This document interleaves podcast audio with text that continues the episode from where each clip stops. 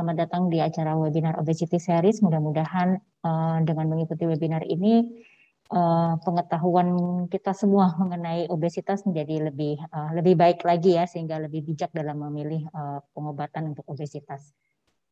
Uh, baik, sudah terlihat ya slide saya. Saya akan membahas mengenai long term use of lipase inhibitor for obesity. Jadi saya akan membahas obat yang paling sering digunakan uh, dan ini adalah obat yang cukup klasik ya. Jadi sudah lama digunakan dan sampai saat ini efektivitasnya masih cukup baik dengan uh, penggunaan jangka panjangnya pun masih uh, cukup aman. Uh, tadi sebetulnya di background sudah banyak dibahas oleh uh, Dr. Diki mengenai uh, apa itu obesitas dan untuk Asia Pasifik termasuk Indonesia kita menggunakan cut off indeks massa tubuh adalah 25. Ini kadang-kadang pasien kita yang tidak tahu ya. Jadi pakai cut off untuk uh, secara umum ya untuk uh, ras uh, Kaukasia. Jadi 25 dianggap masih overweight sedangkan obes adalah 30. Padahal sebetulnya untuk Asia Pasifik karena body frame-nya itu kecil jadi 25 sudah dikatakan obes. Dan ini tentu saja akan meningkatkan segala macam resikonya, juga meningkatkan resiko penyakit yang tidak menular. Bahkan akhir-akhir ini di masa pandemi akan meningkatkan resiko mortalitas pada infeksi COVID-19. Jadi kalau kita lihat eh, meskipun usia muda komorbidnya hampir tidak ada, mungkin komorbid hanya diabetes atau prediabetes mungkin, tapi karena obes sehingga angka kesembuhan terhadap infeksi COVID-nya menjadi kecil. Dan ternyata dari Global Nutrition Report, satu di antara tiga orang dewasa itu mengalami overweight dan obes. Tadi sudah di saya langsung lewati saja ini sudah dijelaskan tadi oleh Dr. Diki. Nah, ini yang menarik nih. Jadi obesitas dan mortalitas pada COVID-19 ini meningkat uh, karena uh, seseorang itu obes. Jadi kalau kita lihat uh, orang dengan infeksi COVID uh, ini yang warna gelap itu non survivor, jadi yang meninggal ya. Kemudian uh, yang warnanya lebih terang adalah yang mengalami ARDS, akut respiratory distress syndrome jadi ternyata angka ARDS-nya pada COVID-19 ini meningkat seiring dengan peningkatan BMI. Jadi sebetulnya kalau kita menghadapi pandemi ini yang sangat panjang, tentu saja harusnya kita harus bisa mengurangi angka obesitas. Sedangkan di Indonesia sebelum pandemi saja angka obesitasnya sudah meningkat ya. Jadi hati-hati uh, untuk orang-orang yang obes akan sangat susceptible meningkatkan resiko terjadinya mortalitas dan morbiditas yang lebih tinggi untuk uh, infeksi COVID-19. Dan obesitas ini terjadi sesungguhnya karena jumlah energi yang dimasukkan ya, jadi jumlah pemasukannya lebih banyak daripada yang dikeluarkan. Intinya sih equilibriumnya seperti itu. Jadi kalau ingin mengurangi obesitas atau menurunkan berat badan, artinya pengeluaran energinya harus ditambah, sedangkan pemasukan energinya harus dikurangi. Dengan berbagai macam faktor yang mempengaruhi, yaitu yang paling banyak adalah faktor lingkungan, Kemudian juga yang saat ini banyak diteliti adalah faktor epigenetik. Kemudian juga ada faktor genetik yang lain, misalkan di keluarganya memang ada suatu sindrom tertentu sehingga seseorang itu lebih susceptible menjadi obes. Atau mungkin regulasi di sistem saraf pusatnya yang tidak berfungsi optimal. Jadi respon rasa kenyang dan lapar yang ada di hipotalamusnya pun tidak bekerja dengan baik. Nah ini kita tahu bahwa mengapa obat-obat obesitas itu tidak semuanya bisa digunakan long term karena umumnya dia akan menghambat selera makan yang ada di uh, korteks serbi ya. Jadi dia akan mengaruhi dari hipotalamus, amigdala, dan korteks orbitofrontalis dan juga dipengaruhi oleh hormon-hormon yang lain. Nah, yang paling berpengaruh di sini adalah leptin, di mana pada pada seseorang yang tidak mengalami obesitas, leptin ini bekerja sangat baik. Jadi pada saat kita makan, uh, hormon ini akan dilepaskan sehingga memberikan respon bahwa kita akan kenyang ya bersama dengan kalau kita makan tentu hormon GLP-1-nya dari gut hormon akan dikeluarkan sehingga ada respon kenyang pada seseorang. Tapi pada orang yang dengan jaringan adiposnya sangat banyak, maka leptin ini tidak bekerja dengan optimal sehingga terjadilah resistensi leptin dan juga terjadi resistensi insulin dan tentu saja orang tersebut tidak bisa mengeremakan gitu ya. Jadi obat-obatan yang saat ini banyak diteliti terutama yang bekerja di reseptor dari leptin. Sedangkan kalau kita bicara lipase inhibitor, maka kita akan membahas secara uh, lokal, yaitu efeknya hanya di uh, usus saja ya, di saluran cerna. Jadi tidak ada efek ke saraf pusat. Nah, kita tahu bahwa kalau kita tertarik untuk makan, ya, entah itu lapar atau melihat makanan, ya, karena uh, apa respon visual, olfaktori, misalkan mencium bau makanan, atau mendengar orang menggoreng makanan gitu ya. Lagi goreng sesuatu kan auditori kita dengar gitu ya. Itu langsung lapar. Nah ini adalah stimulus-stimulus yang menyebabkan uh, seseorang itu uh, apa ya dapat mengontrol makan atau tidak. Bisa jadi orang tadi sebetulnya tidak terlalu lapar tapi karena melihat suatu makanan yang enak akhirnya terstimulasi untuk ingin makan gitu ya dan ini sangat dipengaruhi oleh hipotalamus dan juga uh, di otak kecil juga berpengaruh Salah satunya pengaruhnya di sini adalah uh, kontrol terhadap makan dan rasa kenyang. Dan ini sangat dipengaruhi oleh rasa, kemudian uh, kerja dari uh, usus ya, dan juga hormon-hormon yang berpengaruh di dalam usus. Salah satunya adalah GLP-1. Dan ini menimbulkan kontrol seseorang itu apakah dia mau berhenti makan atau kontrolnya tidak bekerja sama sekali gitu.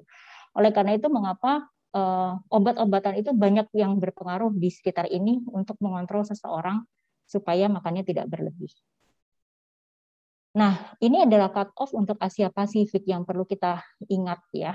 Uh, mungkin teman-teman sejawat uh, sudah sangat uh, ingat sekali bahkan di luar kepala. Jadi untuk inilah bedanya ya kalau di Indonesia 25 IMT 25 saja sudah dikatakan obes grade 1 sedangkan lebih dari 30, 30 atau lebih dikatakan obes grade 2. Dan yang 35 ke atas adalah disebut obes morbid. Dan ini kalau misalkan seseorang sudah mengalami obes derajat 1, itu sudah harus diturunkan berat badannya setidaknya 5 sampai 10% untuk mengurangi morbiditas ya. Dan untuk obes grade 2 dilakukan penurunan berat badan 10 sampai 20% dan ini uh, harus dilakukan dalam waktu bertahap setidaknya jangka waktunya adalah satu tahun. Jadi tidak ada ceritanya menurunkan berat badan itu dengan waktu yang sangat cepat gitu. Karena seseorang untuk menjadi obes itu kan long term. Nggak ada ceritanya orang makan banyak, kemudian dua tiga bulan lagi dia jadi obes gitu, yang tadinya dia normal. Tentu perlu waktu berbulan-bulan. Sama halnya kalau ingin turunkan berat badan, artinya perlu waktu yang sangat panjang. Jadi harus sabar memang menurunkan berat badan. Nah, Prevensinya apa? Jadi kalau kita lihat ya dari indeks masa tubuh 30 seharusnya sudah dilakukan prevensi bahkan 30 atau kurang. Ini baik dengan risk factor ya yang yang garis uh, lurus ini adalah yang tanpa risk factor sedangkan yang putus-putus itu dengan risk factor. Jadi prevensinya tetap adalah healthy lifestyle ya. Jadi memilih makanan yang sehat ya kemudian terapinya dengan restriksi energi supaya pemasukan energinya lebih kecil sedangkan yang dikeluarkan harus lebih banyak supaya terjadi gap Kemudian ini yang paling berat yaitu maintenance. Kadang-kadang seseorang sudah mencapai target berat badannya ternyata kembali lagi ke berat badan awal bahkan lebih. Nah, ini penting sekali dalam masa maintenance harus menjaga supaya berat badannya itu tetap baik dengan pemilihan makan yang baik gitu ya. Jadi pola makan ini sangat penting ditambah dengan behavioral training nanti akan diajarkan di minggu depan ya khusus membahas behavioral behavioral training pada obesity dan juga modifikasi lifestyle. Nah, terapi obesitas itu sebetulnya kalau dikelompokkan ada dua bagian yaitu non surgical dan surgical ya. Sedangkan di Indonesia saat ini yang surgical memang masih terbatas, tidak terlalu banyak ya, karena di samping biayanya mahal, efek sampingnya juga lumayan banyak. Sedangkan kalau non-surgical ini lebih banyak dilakukan di Indonesia. Nah, mana yang lebih baik antara nutrition, exercise, farmakologi maupun behavioral therapy? Ini semuanya saling mengisi, ya. Jadi langkah pertama adalah nutrition dan exercise dulu. Dan ini kadang-kadang pasien obes sering merasa malas gitu ya. Malasnya kenapa? Karena ingin turun berat badan cepat tanpa harus merestriksi makanan, tanpa harus banyak berolahraga. Padahal kita tadi tahu prinsipnya apa? Yang dimasukkan harus lebih sedikit daripada yang dikeluarkan. Jadi kalau tidak ada gap energi, tentu saja berat badannya tidak akan turun meskipun sudah dibantu dengan obat-obatan. Sedangkan farmakologikal ini sebagai seorang dokter kita harus melihat dulu apa komorbid dari pasien. Kalau memang ada komorbid tertentu sehingga ada indikasi untuk pemberian obat-obatan, tentu saja kita dapat berikan sesuai indikasi. Tetapi jika masih muda, tidak ada komorbid, sedangkan IMT-nya tidak terlalu tinggi, sebaiknya dokter pertimbangkan yang paling aman dulu, yaitu nutrition dan exercise. Tidak lupa behavioral therapy ini juga penting sekali karena ada beberapa pasien yang merasa minder mungkin atau merasa ada gangguan emosional sehingga dia larinya ke makanan. Jadi tidak bisa mengerem makanan meskipun kita sudah lakukan konseling bagaimana cara healthy lifestyle. Dan terakhir, ini sering dilakukan di luar negeri, yaitu bariatric surgery dengan berbagai macam metodenya, mulai dari sleeve gastrectomy, ada yang Roux-en-Y, dan lain sebagainya. Eh, dan ini menunjukkan hasil yang sangat baik, long term-nya juga baik, sehingga dapat menurunkan komorbid eh, yang ada pada pasien tersebut dan tidak ada sifatnya berat badannya kembali lagi karena sudah dilakukan intervensi surgical. Nah, jadi apa yang harus kita lakukan pertama kali apabila bertemu dengan pasien obes? Tadi Dokter Gigi sudah banyak bercerita, saya hanya menambahkan sedikit jadi harus ada penurunan berat badan dulu 5 sampai 10% dari berat badan awal. Dan ini bisa tercapai dalam waktu setidaknya satu tahun. Ya. Kemudian langkah pertama, mau pakai obat, mau tidak pakai obat, dengan komorbid maupun tidak, harus dilakukan perubahan gaya hidup. Ini penting sekali. ya. Jadi intinya saya selalu mengatakan kepada pasien-pasien saya, kalau ingin turun berat badan, harus siap mengubah gaya hidup menjadi lebih sehat karena kalau gaya hidupnya tidak sehat, mau model kayak apa pun, tipe dietnya, obatnya seperti apa pun, tentu dia akan kembali ke berat badan awal. Modifikasi perilaku ini penting dan ini perlu bantuan sejawat dari uh, psikiatri untuk modifikasi perilaku.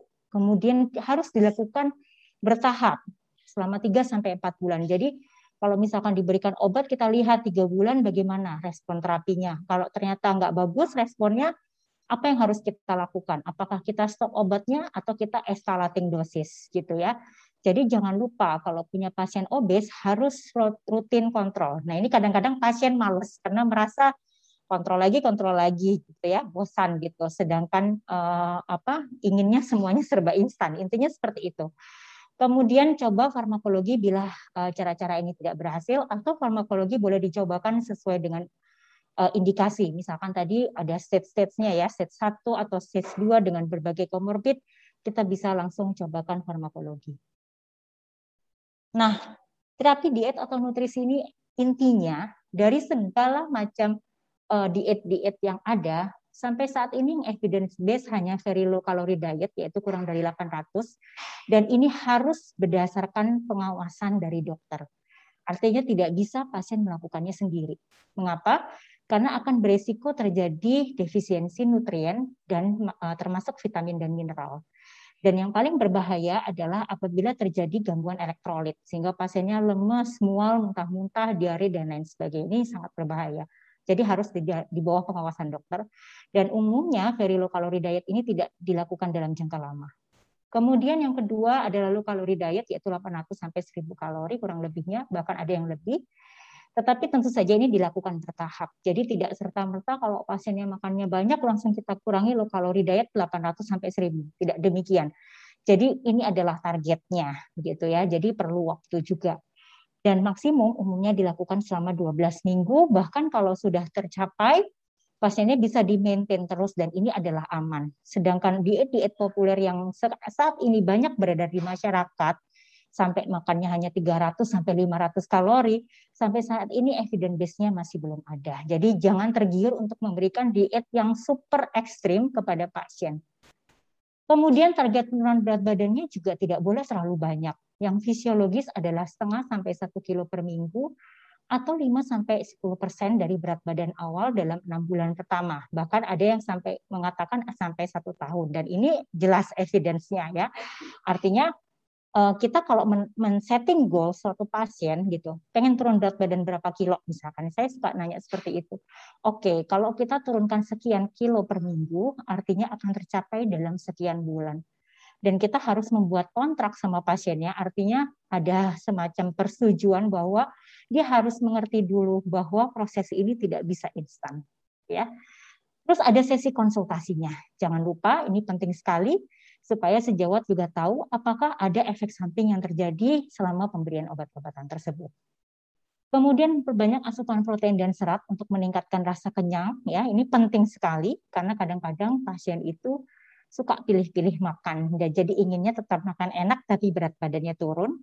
Kemudian karena beresiko mengalami defisiensi, bila perlu kita bisa memberikan suplementasi dan lebih optimal sebenarnya kalau menggunakan meal replacement. Tapi tentu saja ini harganya lebih mahal dan perlu pengawasan. Mengapa demikian? Karena meal replacement itu umumnya sudah difortifikasi dengan berbagai mikronutrien sehingga mencegah supaya pasiennya tidak terjadi defisiensi. Nah, aktivitas fisik ini juga penting dan kadang-kadang kita perlu merayu pasien untuk lebih aktif bergerak. Apalagi kalau timbangannya tidak bisa turun, ya. Jadi kita harus ingatkan ke pasien bagaimana olahraganya. Dimulai dulu dari 150 menit per minggu dan ini juga perlu kerjasama dengan sejawat kedokteran olahraga dan juga rehab medik.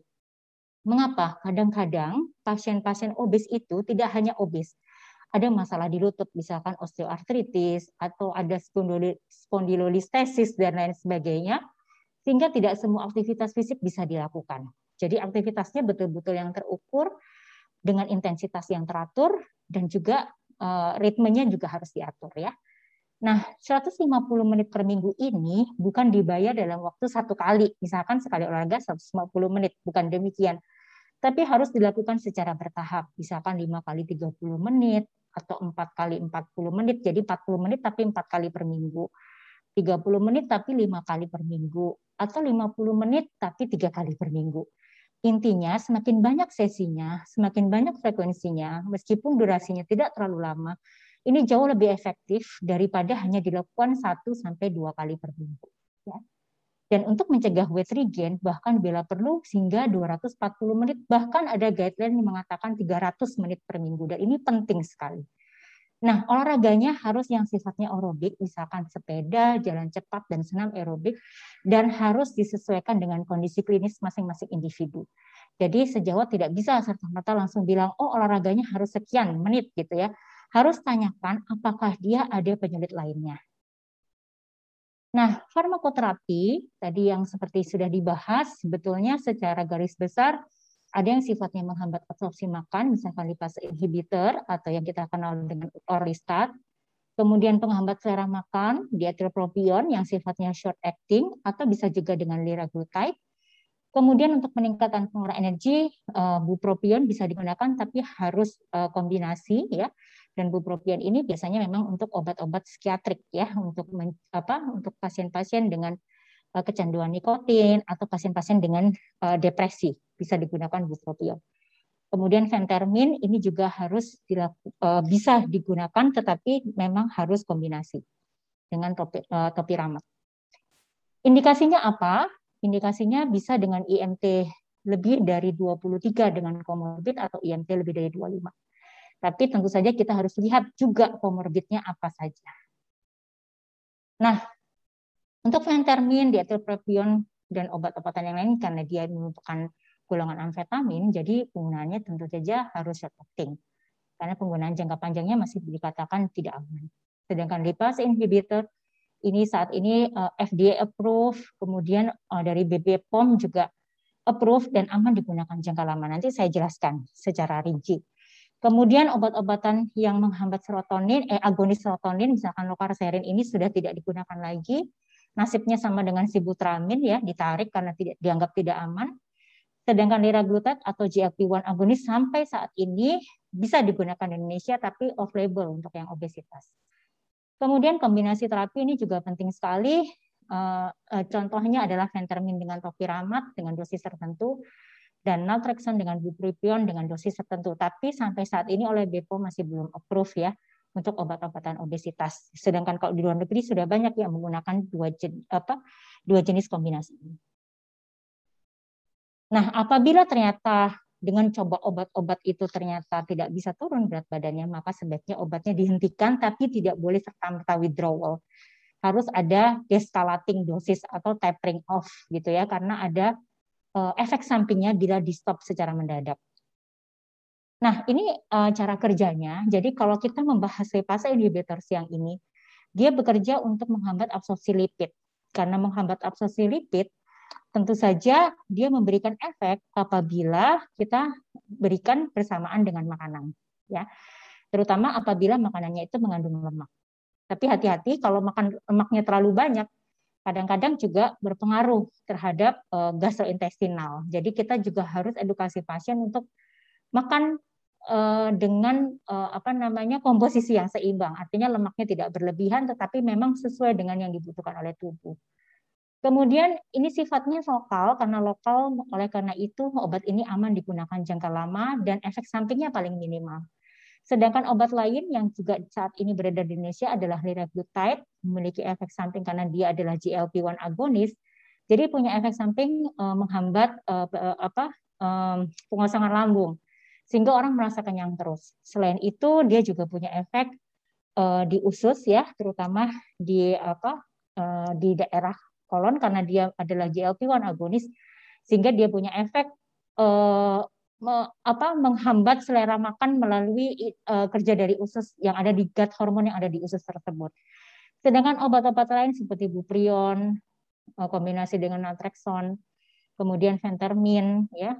Eh, ini semuanya bekerja secara uh, sentral, yaitu dia bekerja ada yang di reseptor GABA, ada yang di neuron dopaminergic, ada di BMC dan lain sebagainya. Jadi hati-hati apabila pasien-pasien ada eh, pada pasien-pasien usia tua atau pada pasien-pasien yang menggunakan obat-obatan yang sifatnya sejenis. Nah, lipase inhibitor ini diindikasikan untuk IMT lebih dari 25 atau ini MT23 dengan faktor risiko hipertensi, diabetes, dan dislipidemi terutama. Dan uh, mekanismenya sifatnya reversible yaitu menginaktivasi dari enzim lipase lambung. Jadi kalau seseorang makan lemak, maka dikeluarlah enzim lipase di usus ya. Kemudian uh, di usus dan pankreas juga teraktivasi.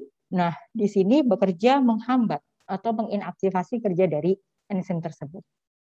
Dan karena sifatnya lokal, hanya di gastrointestinal, jadi tidak ada efek untuk menurunkan selera makan dan absorpsinya secara lokal penyerapan sedikit penyerapannya ke sistemik jadi uh, efek ke saluran apa ke SSP atau sistem saraf sedikit.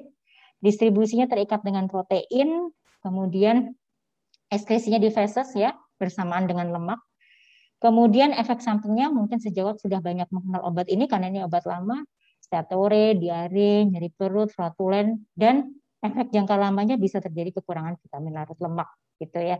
Jadi jangan lupa untuk memberikan uh, tambahan suplementasi vitamin larut lemak. Dan hati-hati tidak bisa digunakan untuk pasien kolelitiasis, kolestasis, uh, pasien dengan resiko batu ginjal, maupun pasien-pasien dengan malabsorpsi kronik.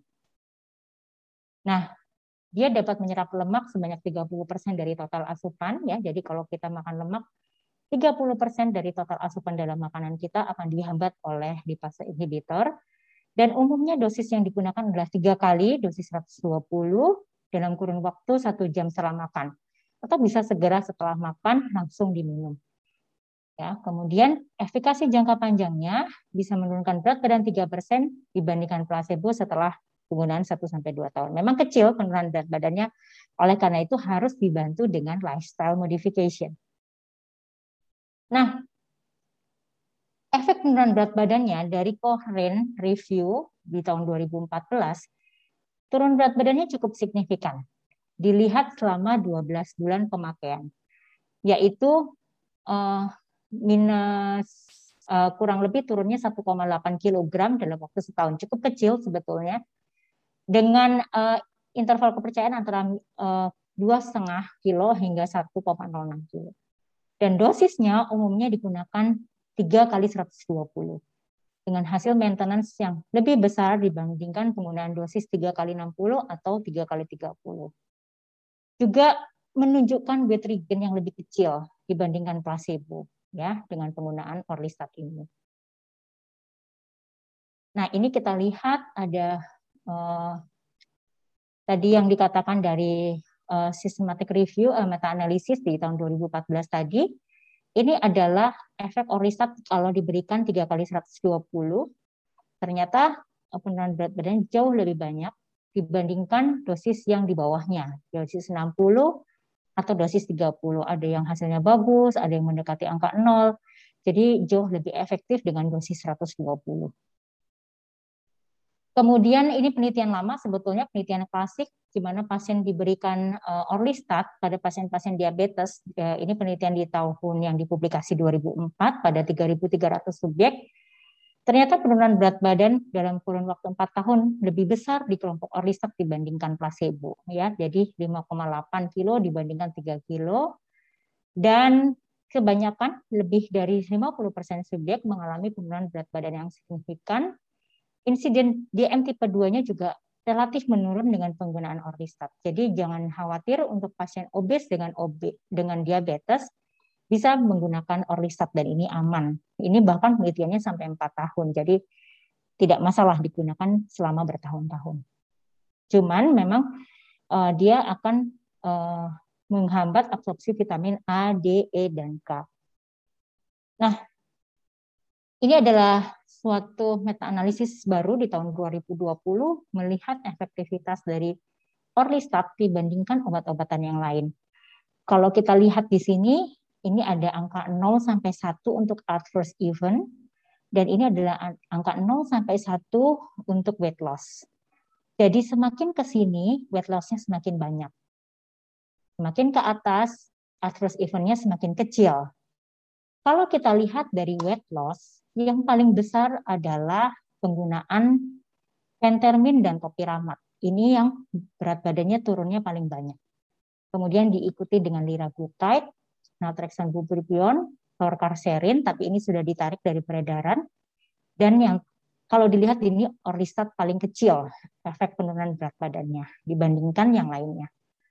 Tapi kalau kita lihat adverse event-nya, adverse event ini semakin tinggi, semakin rendah. Jadi efek sampingnya makin kecil. Kalau kita lihat di sini, Orlistat memiliki efek samping yang paling minimal dibandingkan obat-obatan yang lain. Dibandingkan naltrexone, eh, gabungan dengan bupropion, dibandingkan liraglutide, dan dibandingkan pentermin topiramat. Dan kebanyakan pasien menghentikan pengobatan atau uh, adverse event paling besar karena liraglutide, maka pasien-pasien banyak sekali yang menghentikan liraglutide karena nggak kuat gitu ya, karena efek sampingnya mual dan lain sebagainya. Jadi dari kesimpulan ini bisa kita ambil bahwa penggunaan orlistat ini adverse eventnya paling kecil, namun tentu weight loss-nya paling kecil, tapi efek sampingnya paling kecil, jadi dia paling aman. Nah, bagaimana dengan hipertensi? Ini ada long term effect dari weight reducing drugs in people with hypertension. Ini penelitian tahun 2021 menggunakan obat anti hipertensi anti obesitas pada penderita hipertensi. Dari 6 RCT yang menggunakan farmakoterapi obesitas selama 6 bulan, 4 dari 6 RCT membandingkan penggunaan orlistat dibandingkan placebo. Ya.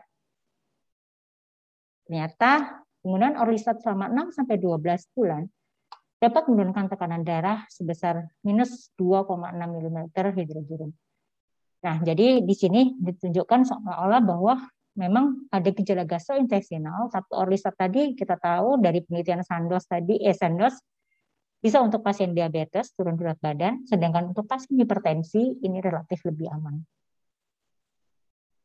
Sedangkan kontrol glikemiknya tentu saja banyak penelitian riset terhadap uh, apa uh, eh, DM dan rata-rata memang meng, uh, menggunakan orlistat digabung dengan low calorie diet atau LCD. Dan dikatakan ternyata terjadi penurunan HbA1c pada penggunaan orlistat plus LCD dibandingkan placebo. Dan glukosa darah puasanya pun juga menurun. Jadi aman juga untuk pasien diabetes. Ya.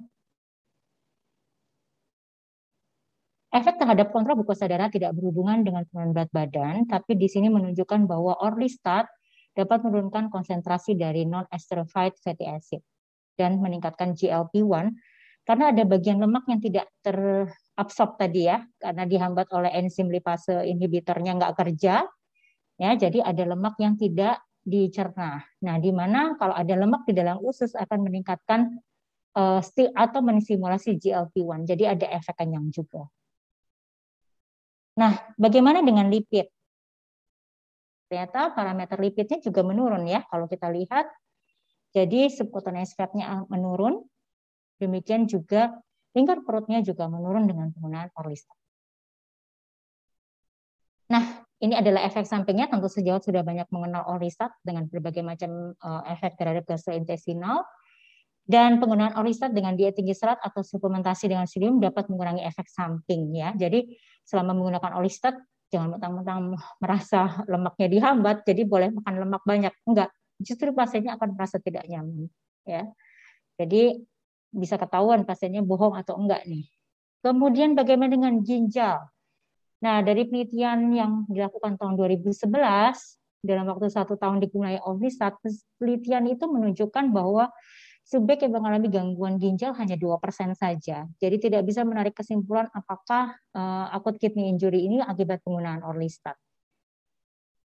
Jadi masih tanda tanya, tapi hanya kecil ya uh, apa memberikan efek samping ke ginjal dan diduga juga memicu toksisitas atau karena adanya enzim karboksilas inhibisi dari enzim karboksi esterase yang berfungsi sebagai detox di liver.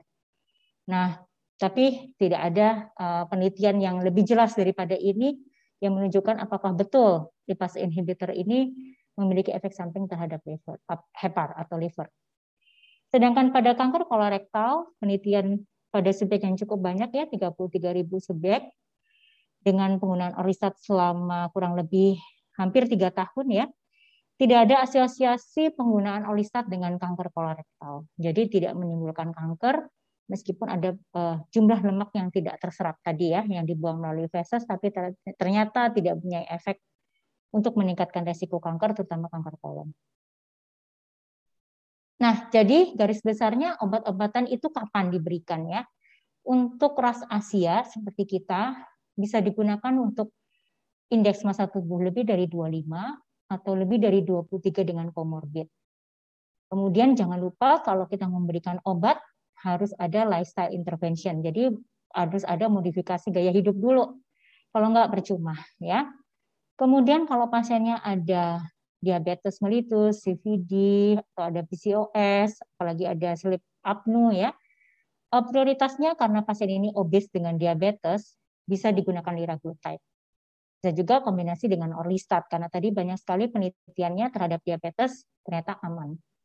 Sedangkan pasien dengan hipertensi, orlistat bisa digunakan karena relatif aman, tidak mempengaruhi kardiovaskuler ya karena sifatnya lokal. Kemudian pilihan berikutnya bisa fentermin topiramat atau menggunakan liraglutide. Tapi sekali lagi fentermin topiramat dan liraglutide ini masih belum digunakan untuk obat anti obesitas di Indonesia. Kemudian pasien dengan CKD yang aman menggunakan orlistat. Bisa juga liraglutide kalau CKD ada DM, tapi tentu saja harus hati-hati. Jadi jangan serta-merta langsung diberikan liraglutide.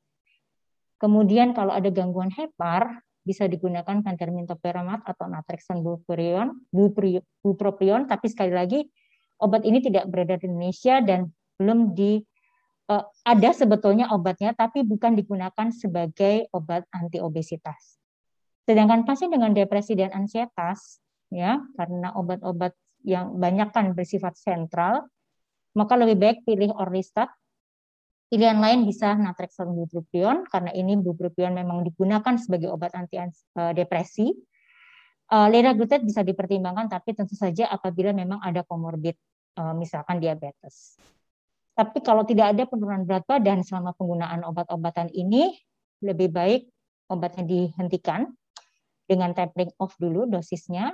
Kemudian kalau ternyata ada respon penurunan berat badan, obat bisa uh, dilanjutkan dan jangan lupa lakukan follow up setidaknya tiga bulan.